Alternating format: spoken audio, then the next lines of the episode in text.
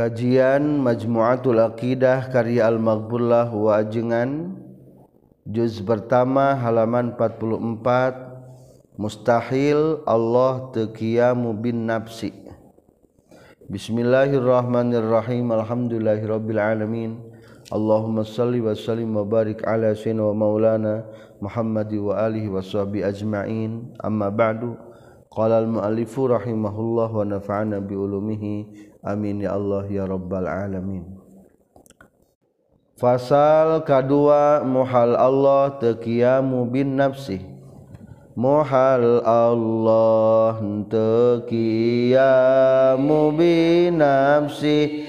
Nyaeta boga tempat gesan matuh atawa bogaun tempat ngante bugu atawa hente bogaun ributu. Mohal hente tedikidul jeng mohal henteu dikidul rejeng di betan. Bari Allah butuh kana pangancikan rejeng mohal Gusti. Allah ngabutuhkeun kanu sejen pikeun anu. Ngayakeun sabab eta mukhalafate ngaranna sifat salbiyah nyabut kaifa hartina. Masih pembahasan sifat yang kelima qiyamuhu bin nafsi. Di samping orang mengitikadkan sifat qiyamu bin nafsi oge orang wajib meniadakan kebalikan tina qiyamu bin nafsi. Berdasarkan firman Allah fa'lam annahu la ilaha illallah. La ilaha tidak ada Tuhan. Berarti itu kalimat nabi illallah terkecuali Allah. Berarti kalimat isbat berarti dalam itikad kudu aya naon? Kudu aya nafi sarang isbat. Isbatna Allah wajib kasipatan ku sifat kiamuhu binafsihi. Sok nafikan mustahil Allah hente kiamu bin nafsi atau dalam kata lain naon lawan sifat kiamu bin nafsi ihtiyaj butuh. Butuh karena naon? Butuh Allah kana tempat sarang butuh kanu ngayakeun. Salah. Mohal Allah teqiyamu binafsi nyaeta bogaun tempat gesan matu jadi Allah tebogaun tempat mustahil. Allah mah mustahil bogaun tempat. Dalam artian tebutuh jeng tebertempat temenempat temenempat Allah atau wabogaun tempat ngan tepuguh mustahil. Kade. Jadi lain tebutuh teh lain tepuguh tempat. Tempatna Allah mah te bertempat tenawan te bertempat ulah disalah pahamkan atau hante bogaen bari butuh. Nu di garis bawah hina gari butuh. Ari Allah mah geus jelas teu naon? Teu bertempat teu bogaeun. Tah Allah mah teu butuh ongkol. Jadi simpulna ari Allah mah teu menempat. Beda jeung mak urang jalma maka ada catatan ayat Johar teka ikat ku makulat eta tangtu makdum naon cenah? Johar teka ikat ku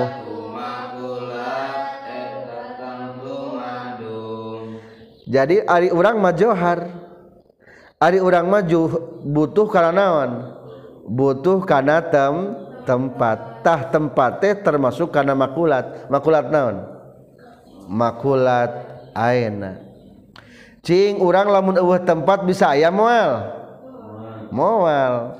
Ari makhluk mah lamun eueuh tempatna moal bisa aya pasti eueuh. Makanya catatan pertama kumaha? Johar teka ikat kumakulat eta makdum jalma lamun teu eueuh tempatna eta teh pasti eueuh. Lamun diasupkeun mah kitu. Johar teh saha? Jalma makhluk. Teu kaikat ku makulat. Contoh makulat tempat. Ayeuna? Teu eueuh tempatna. Eta tangtu madum berarti tangtu eueuh. Beda sareng ari Allah Allah mah kumaha? nukodim kaikat kumakulat eta tangtu makdum naon cenah?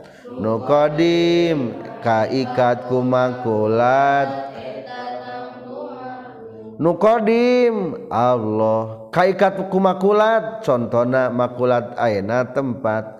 Lamun Allah ayat tempatna Allah ge atuh bakal makdum nah sebabna makdum berarti Allah ge akur jeung makhluk. Sarang sedangkeun dari Allah makhluk ge sok per aya eueuh eueuhna. Atuh Allah ge bakal naon? Aya eueuhna. Eta teh hukumna mustahil. Jadi simpulna catatan nu kahiji mah mempertegas makhluk mah kudu aya makulatan butuh kana tempat. Ari Allah mah eueuh makulatan tebutuhan tem tempat jeng nu sejen-sejena.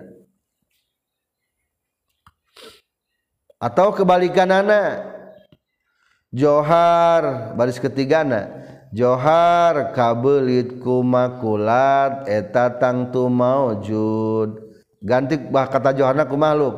Makhluk aya makulatan eta pasti aya makhluk. Lamun ayat tempatnya bisa ayat tuh. Kaupat nukodim nukodim tekabelit kumakulat eta tangtu maujud. Usian ku Allah. Allah te ayat tempatan eta teh jadi ayah Allah mah jadi beda jeung makhluk. Ari makhluk mah. aya teh lamun aya naona tempatna Ari Allah mah bisa aya te aya tempat. Da Allah mah mukhalafatu lil hawadisi beda jeung sakabeh anu anyar. Kade tujuan orang adalah ulah nyerupakeun Allah jeung makhluk. Lain kudu mikir supaya kehati datteka taklif jadi mengetahui Allah sebenarnya adalah tidak mengetahui kepada Allah dengan sebenarnya nah cena mengetahui Allah sebenarnya adalah tidak mengetahui kepada Allah dengan sebenarnya. So, coba otak orang coba pikir. Allah mah bisa ayah ku eueuhna tempat. Itu pengetahuan. Tapi jadi jadi tek artinya. Lamun ku otak jalma mah. Nah gening eueuh tempatna. Tuh kan orang otak na otak jalma. Otak jalma mah teu ngartieun. Lamun eueuh tem tempatna. Da ieu mah lain makhluk Allah mah. Jadi Allah mah ayana teu ku eueuh tempat maka kade jadi simpulna kahiji Allah mah butuh kana tempat baik tempat bermakna mahal da Allah mah lain sifat. Jeng terbutuh tempat nu bermakna makan da Allah mah lain jirim. Tapi naon da Allah mah? Zat. Kahiji mohal mohal dikidur rejeng di wetan bari Allah butuh karena pangancikan. Sebetulnya bed ketiga ini memberikan pesan. Pokoknya mah kumaha bahasana? Intina adalah Allah mah terikat ku jihad. Allah mah teu butuh di teu di teu di wetan teu di kulon teu di luhur teu di handap. Kamari teh terangkeunnya teu terikat ku ji ku jihad ari nu kakeunaan ku jihad mah saha? Makhluk. Cek tadi ge mengetahui Allah sebenarnya adalah tidak mengetahui Allah dengan sebenarnya jadi orang tuh mengetahui ke Allah itu pengetahuan. Allah mah tadi kidul tadi kalian tadi keluar tadi wetan. Tapi kah jadi naon? Jadi kah begitu ngerti? Bener eta teh ka Allah mah. Kumaha cenah? Mengetahui Allah sebenarnya adalah tidak mengetahui Allah sebenarnya. Jadi sampai te ulah kabayang kade dalin makhluk Allah anu kadua rejeng muhal. Gusti Allah ngabutuhken kanu sejen piken anu ngayaken Allah mah tebutuh kanu ngayaken layah taju ila mukhassisin. Makna kedua daripada kiamuhu binafsi. Atau lawana adalah ihtiyaj. Mustahil ke Allah. sabab eta mukholapah teh ngaranana sifat salbiah nyabut kaefahartina berarti dikarenakan sifat kiamuh binafsi teh kalebetkeun sifat salabiyah tebutuh kana tempat tebutuh kanu ngayakeun. Maka ulah ya pertanyaan makulat kaifa maha. Da Allah mah terikat makulat. Anu 10 Johar. Terus? Arod. Aya salapan macam. Aya arod kam. Aya arod kaifa. Aya arod nisbi. Tidak nisbi nak bagi 7 tahnu 7 KB 10 jumlahna mustahil ke Allah subhanahu wa ta'ala. Atau lamun kurang dirunuti awal kahiji tina sifat salabiah kidam. Te aya mimitina kasabut makulat naon cing? Mata. Te aya tungtungna kasabut makulat naon? Dua. Mata. Katilu sarupa jeng nu anyar. Nyebut makulat naon? Kaepa kaupat tebutuh kana tempat. Tebutuh kanu ngayakeun. Nyebut makulat naon? Nyebut dia makulat kaifa kene. Jadi mata-mata kaifa kaifa hiji deui engke terakhir wahdaniyah teu aya bing bilangan. Berarti nyebut makulat kam. Kesimpulan di skema boleh dilihat kiamuhu binafsi naon mana kiamu binafsi tebutuh kana tempat sebelah kanan sebelah kiri. Tebutuh kanu ngayakeun. Naon maksud tebutuh kana tempat ayat dua kehendapna hiji. Tebutuh karena tempat tegas nama datlian tebutuh karena dat sejen. Berarti maksudnya ngamahal. Sebelah kiri na perlu karena tempat. Maksudnya lolo wong gesan ngancik. Disebutan naon? Ngamakan cing naon? Menderang mahal jing makan. Hari mahal mah tempat nasibat berarti nyata zat. Kedua nol dimakan. Lolo wong kosong tempat najirim. Naon? Lalau wong kosong sapas najirim. Berarti ya mah makan mah biasa kurang disebut mahal. Non diurang makannya. Tempat diurang zorob makan diharap di tukang di jero di luar tete naon? Makan. Lamun nggak makan ayat dua konsekuensi. Kahiji kakenaan ku naon? Ji jihad. Kedua kakenaan ku hiaz. Lowong ruang kosong sapasna eta benda. Skema kedua barang wujud etama berarti nyimpulkan karena materi pasal sebelumnya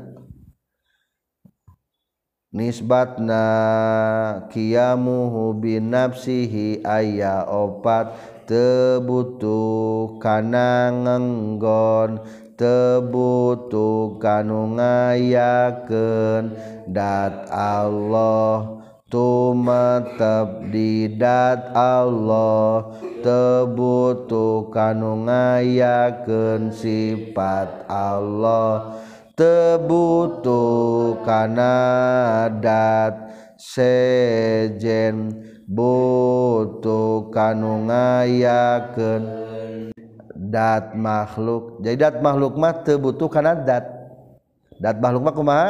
tebutu kadat sejen butuh kanu ngayakeun dat makhluk.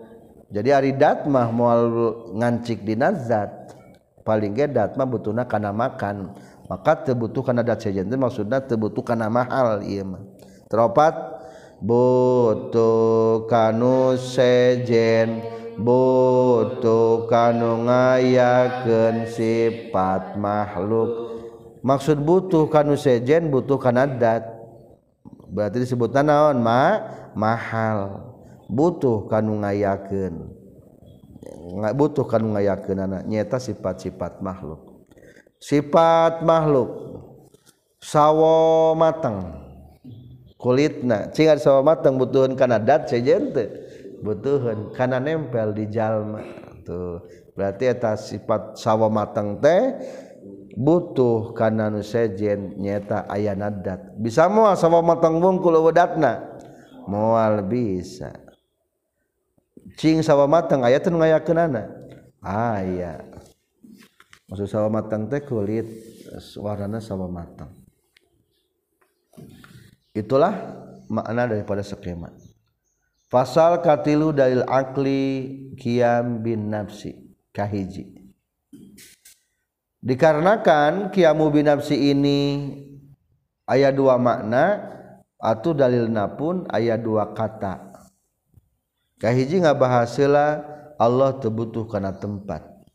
Dalil akli yen Allahan tebutuhan karena tempat sababun Allah butuhun.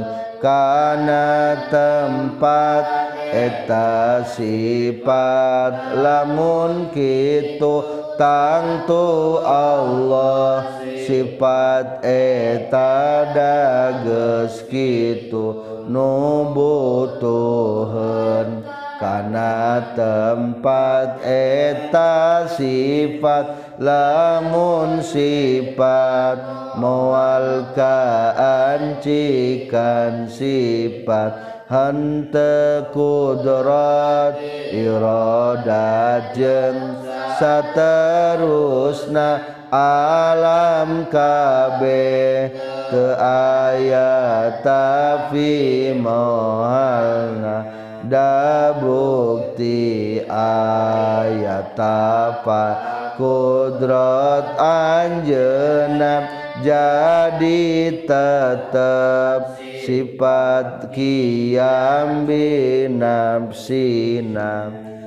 Babak dalil ijmali kiamu binafsi pertama. Naon dalilna? Layah annahu lawih taja ila mahalin lakana sifatan wa huwa muhalun. Hartosna lamun Allah sifat tangtu ulangi lamun Allah butuh karena tempat mahal tangtu Allah teh sifat. Sedangkan lamun Allah sifat hukum namus tahil soalnya ada sifat matara kasih kasipatan deui. Anu sok loba sifat nama jiri eta zat sepidol. Sifatna bodas. Nu bodas senawan sepidol. Oh, bentukna bulat. Naon bulat teh? Sepidol. Nu bulat teh bodas atau sepidol? Sepidol. Iya sepidol panjang. Naon nu panjang teh? Bodas atau sepidol? Tuh anu sokal sifatan mandat. Jadi lamun Allah butuh karena tempat maksud tempat ini mana maksud tempat ya ma mahal. Kan tadi gak mahal mau pergi nawan para sifat. Tangtu Allah teh sifat. Sedangkan lamun Allah sifat eta hukumna mustahil. Dah ari sifat mah mual kasifatan deui sedangkan ari Allah ngagaduhan mang rupi-rupi sifat. Memiliki sifat kesempurnaan berarti jelas Allah ma lain sifat atuh tengah mahal terbutuh karena mahal. Sebetulnya lamun orang nyiin dalil karena ngamakan ge bisa dari ngan ari ngamakan mah lain dalilna kiamu binafsi tapi ki dalil mukhalafatul hawadis sok kata orang jin ngamakan. Lamun Allah butuh kana tempat. Maksud tempatnya naon? Ngamakan. Berarti Allah teh cicing dina lolowong kosong. Moal lepas tina ji, jihad. Lamun Allah telepas tina jihad akur jeng makhluk. kulantaran Allah akur jeung makhluk Allah kulantaran makhluk teh bisa ewe Allah ge pasti bakal e ewe sedengkeun eta teh mustahil. Lamun Allah pernah ewe sahanu ngayakeun ka Allah. Tah lamun dijieun dalil lama kitu. Ngan dalilna disamikan nubimah tentang makan nuartina tempat. Anu butuh kana hiya jeng jihad etama dina dalil sifat mukhalafatu lil hawadisi. Baba kedua dalil akli ijmalina. Dalil akli ijmali. Pasal kaopat dalil akli kiamu bin nafsi kadua. Lamun Allah nganggon dina hiya jihad tangtu Allah anyar etahan telepat sabab nunggon dino anyar tetangtu anyar sedeng. Mustahil mun Allah kitu arihiyaz.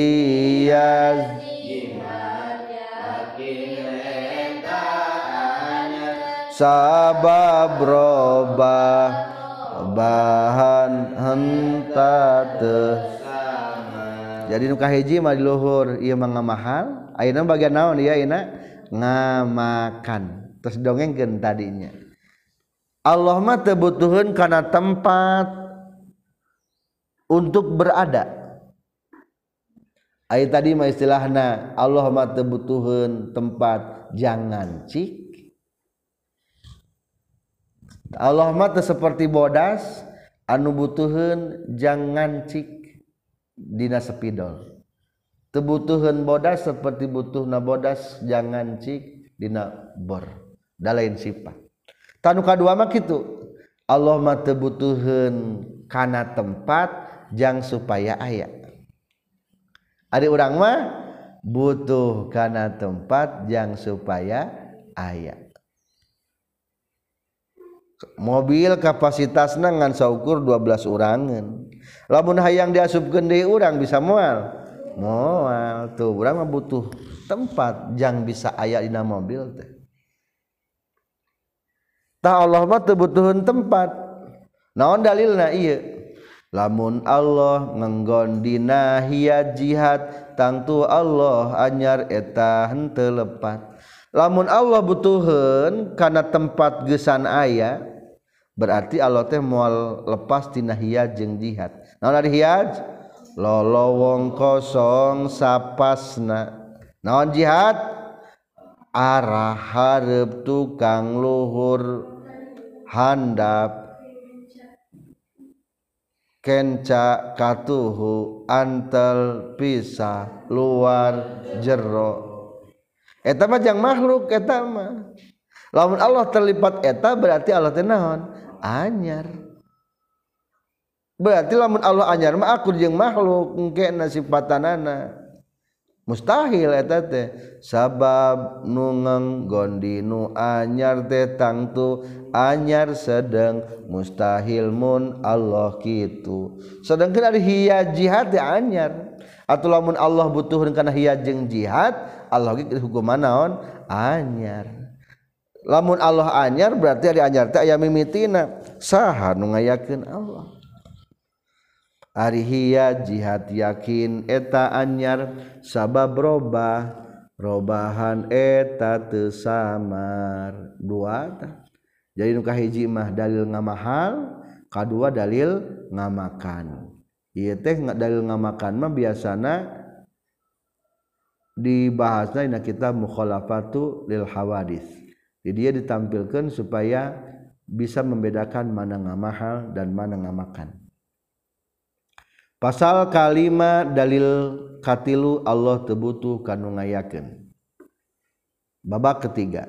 Lamun Allah butuh kanu ngayakeun nu ngayakeun ka Allah tangtu butuh kanu ngayakeun kendai daor jadina tasal sulges nakida mustahilna.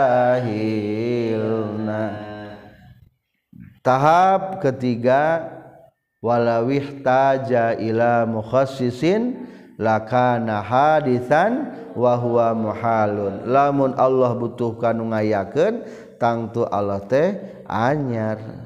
Lamun Allah anyar mustahil. Sakuma dina sifat kidam. Soalnya bakal butuh kanu ngayakeun. Akhirnya bakal timbul daur jeung tasalsul. Eta teh mustahil. Dalil nakli kiamuhu bin nafsihi dalil nakli kiamuhu binafsihi.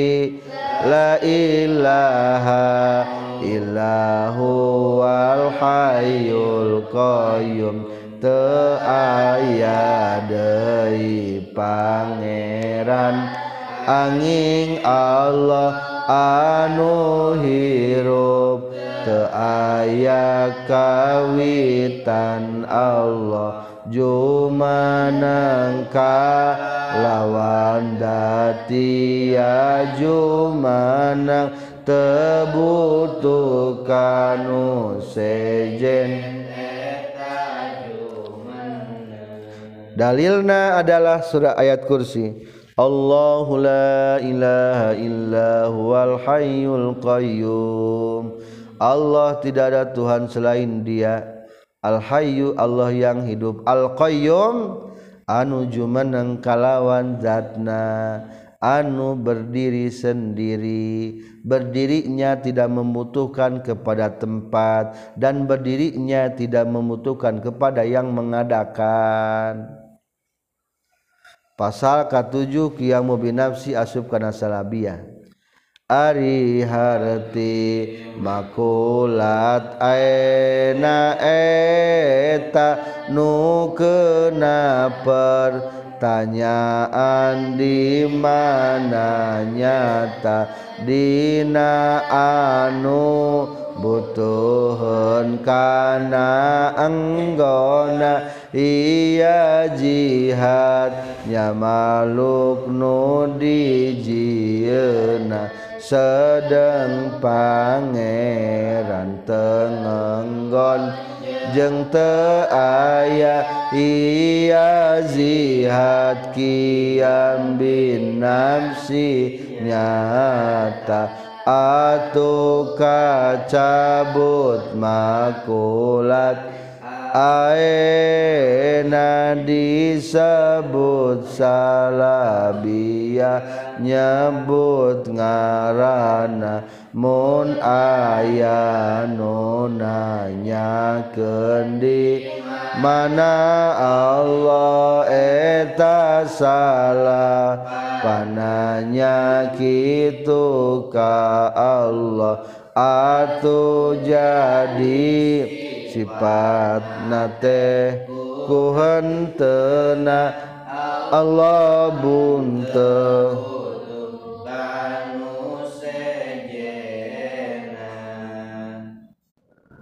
para pelajar sifat salabiah teh sifat ngajadikeun sifatku henteuna atawa nyabut sifat-sifat anu teu pantes. Tadi tos di manaan naon artina kiamu binafsi? Tebutuh kana tempat. Berarti teu menempat. Kulantaran henteu menempat ulah aya pertanyaan naon? Di mana? Atuh kacabut makulat naon? Makulat aena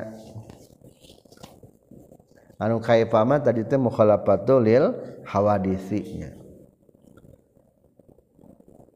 Soalnya teu nyambung da kebutuhan tempat.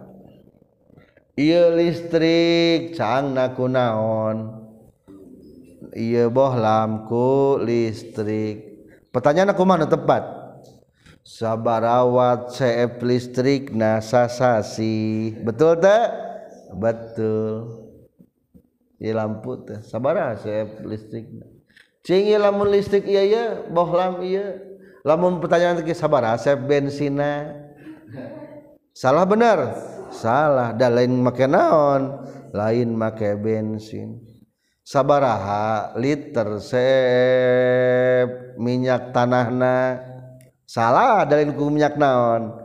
Lain ke minyak tanah. Talamun jalan melenyakan ke Allah di mana Allah teh salah ternyambung kan geus judulan Allah mah teu menempat ayana teh ku eueuh tempatna Allah mah. Jadi Allah mah bisa aya tanpa tempat. Da beda jeung makhluk. Maka salah. mun aya nu nanyakeun di mana Allah eta salah pananya kitu ka Allah. Atuh jadi sifatna teh ku henteuna Allah teu butuh kanu sejena. Alhamdulillahirabbil alamin.